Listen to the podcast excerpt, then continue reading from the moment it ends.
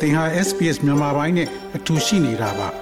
sbs.com.au/burmese မှာပုံမထူးခဲ့တဲ့သတင်းစာမားတွေကိုရှားဖွေပါ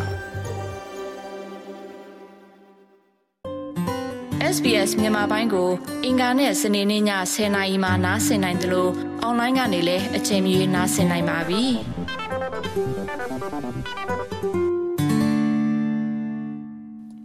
သောရရှိမြခင်ဗျာ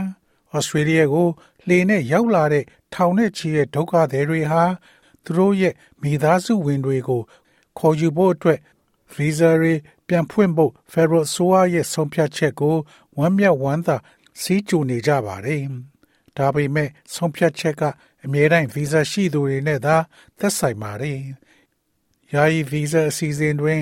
လူ3000ထက်မပိုစေရပါဘူး။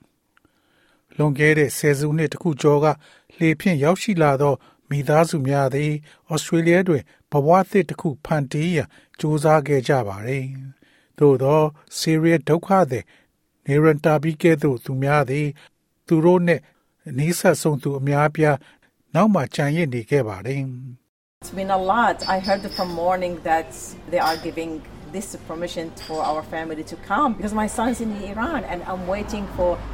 after 13 years I've been တော်တော်ကြာသွားခဲ့ပြီအခုမိသားစုတွေကို လာခွင့်ပေးလိုက်တယ်လို့မနေ့ကကြားရပါတယ်ဘာလို့လဲဆိုတော့ကျွန်ုပ်ရဲ့သားတွေကအီရန်မှာကြံရစ်ခဲ့ပြီးကျွန်ုပ်သူတို့ကိုစောင့်နေပါတယ်သူတို့နဲ့73နှစ်ကြာအောင်ဝေးကွာနေခဲ့ပါတယ်ရခင်ညွန်ပေါင်းဆိုသည်လေဖြင့်ဝင်ရောက်မှုများအတွက်မိသားစု ပြန်လည်စုံစည်းရေးဗီဇာလျှောက်လွှာများကို လျှောက်လွှာအပုံအောက်ဆုံးသို့ပေးပို့ခဲ့ပါတယ်။သူတို့ကိုဘယ်တော့မှထည့်သွင်းစဉ်းစားဖို့ရည်ရွယ်ချက်မရှိပါဘူး။အခုခါမှာတော့လူဝင်မှုကြီးကြပ်ရေးဝန်ကြီးကအမြဲတမ်းဗီဇာကင်ဆောင်ထားသူတွေအတွက်အဲ့ဒီရက်တီချက်ကိုတရားဝင်ပြောင်းပြန်လှန်လိုက်ပြီးဖြစ်ပြီးဒါကို လူသားချင်းစာနာထောက်ထားမှုဆိုင်ရာအဖွဲ့တွေကကြိုဆိုလိုက်ပါတယ်။ Saki Hidari သည် Amnesty International မှဖြစ်ပါတယ်။ So it looks very good like um it's a welcoming news for family to uh, to know that they can see their families and they can be reunited with their families uh ကြည်ရတာအရန်ကောင်းပါတယ်သူတို့မိသားစုတွေကို တွေ့နိုင်ပြီးသူတို့မိသားစုနဲ့အမြန်ဆုံးပြန်ဆုံနိုင်တယ်ဆိုတာမိသားစုတွေအတွက်ဝမ်းသာစရာသတင်းပါပဲဒါပေမဲ့ညွန်ပေါင်းအဖွဲ့ကတော့ဝေဖန်နေပါတယ် ပြည်ထောင်ရေးပြောရေးဆိုခွင့်ရှိသူ Karen Andrews က၎င်းပါတီသည်၎င်းရဲ့ရခင်မူဝါဒအတိုင်းရပ်တည်နေတယ်လို့ပြောဆိုပါတယ် What we're seeing from Labor is them slowly chipping away at our border security. And with this most recent directive from the Minister, what it does is incentivise effectively the people smugglers and their business model. And that is not what Labor Australians က want. ကျွန်ုပ်တို့မြင်နေရတာကကျွန်ုပ်တို့ နေဆက်လုံခြုံရေးကိုဖြင်းညင်းစွာဖျက်ထုတ်နေတာပါ။နောက်ပြီးဝင်ကြီးရဲ့လက်တလောညွှန်ကြားချက်နဲ့လောက်တာကလူမှောင်ခိုသမားတွေနဲ့သူတို့ရဲ့လုပ်ငန်းပုံစံကို ထိထိရောက်ရောက်ပြန်လည်လှုံ့ဆော်ပေးနေပါတယ်။အဲ့ဒါကဩစတြေးလျနိုင်ငံသားတွေလိုချင်တာမဟုတ်ပါဘူး။အပြောင်းလဲများရှိတော်လဲနာရန်တေဘီသည်သူမရဲ့သားများကိုဩစတြေးလျသို့ခေါ်ဆောင်ရန်ရှောက်ထားနိုင်သူများစည်ရင်ထဲတွင် မပါဝင်ပါဘူး။ ဘာဖြစ်လို့လဲဆိုတော့သူမက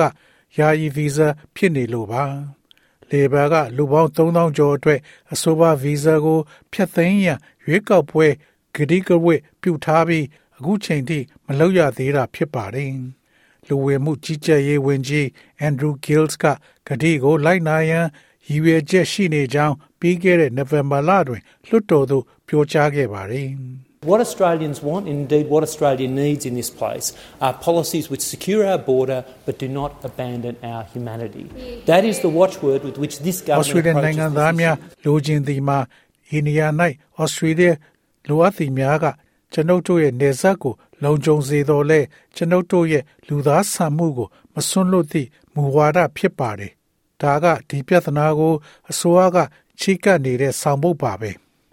ဗီဇာများရဲ့အနာဂတ်နဲ့ပတ်သက်ပြီးရဲသပတ်များအတွင်းထုတ်ပြန်မယ်လို့မျှော်လင့်နေပါတယ်။ဒါပေမဲ့နှောင့်နှေးမှုတွေအတွက်စိတ်ပျက်စရာတွေတိုးမြင့်လာနေပါတယ်။ Amnesty International အဖွဲ့မှဇာကာဟီဒါရီက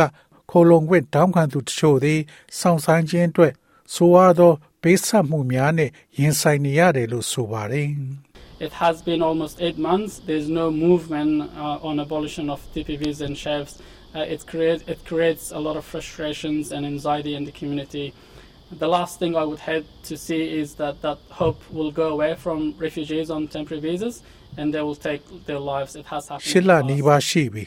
TPV ရဲ့အနေအထားပြောင်းလဲမှုအပေါ်လှုပ်ရှားမှုလုံးဝမရှိသေးပါဘူး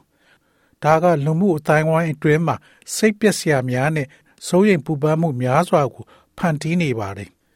နောက်ဆုံးမြင်ရတဲ့အလွန်မုန်းစရာကောင်းတာကတော့ယာယီဗီဇာဖြင့်ဒုက္ခသည်များထံမှမျှော်လင့်ချက်ပျောက်သွားပြီး၎င်းတို့သည်သူတို့ရဲ့အသက်ကိုသတ်သေးတာမျိုးဖြစ်ပါတယ်။အရင်တုန်းကလည်းဒါမျိုးဖြစ်ခဲ့ဘူးပါတယ်။ Greens နဲ့တခြားလွှတ်တော်အမတ်များသည်အစိုးရပေါ်ဖိအားများကိုပေးနေကြပါတယ်။ Crossbench တသီပုဂ္ဂလပါတီပါလီမန်အမတ် Zoe Daniel သည် Crossbench မှာအမတ်ဖြစ်ပါတယ်။ The government, I think, does have good intentions on this, but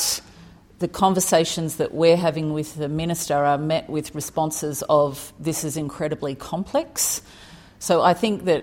arguably if myself and others on the crossbench are losing patience with that, I can only imagine how that feels for those ဆို who ဝါ are အနေ on နဲ့ various ဒီ forms ပေါ် of မှာ temporary ကောင်းမွန်တဲ့ visas. ရည်ရွယ်ချက်ရှိတယ်လို့ကျွန်မထင်ပါတယ်။ဒါပေမဲ့ ကျွန်မတို့ဝင်ကြီးနဲ့ဆွေးနွေးတဲ့အခါမှာဒါဟာမယုံနိုင်လောက်အောင်ရှုပ်ထွေးတယ်လို့တုံ့ပြန်ပါတယ်။ဒီတော့ဒါကငင်းခုန်စရာလို့ထင်ပါတယ်။တကယ်လို့ကျွန်မနဲ့ crossbench သည်ငင်းခုန်နေတာတွေကိုသီးခံခြင်းမရှိတော့ပါဘူး။ပုံစံအမျိုးမျိုးဖြင့်ယာယီဗီဇာလျှောက်ထားသူများအတွက်မိကဲသို့ခံစားရသည်ကို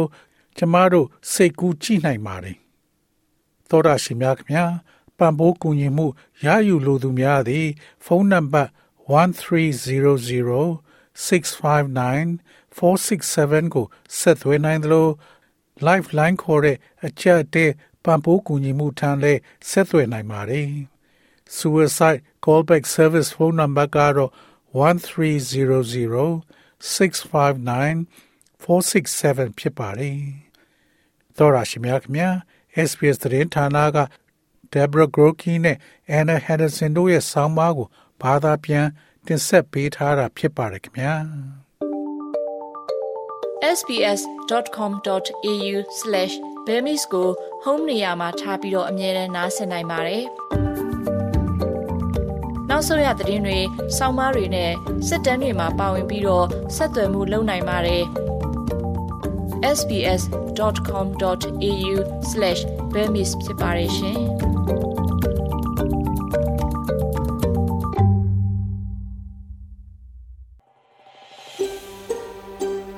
ဒါမျိုးသတင်းဆောင်မာတွေကိုပိုနားဆင်လိုပါလား Apple Podcast Google Podcast Spotify တို့မှာသင်ပင်ရာဖြစ်ဖြစ်ရယူတဲ့ podcast ကနေပါ။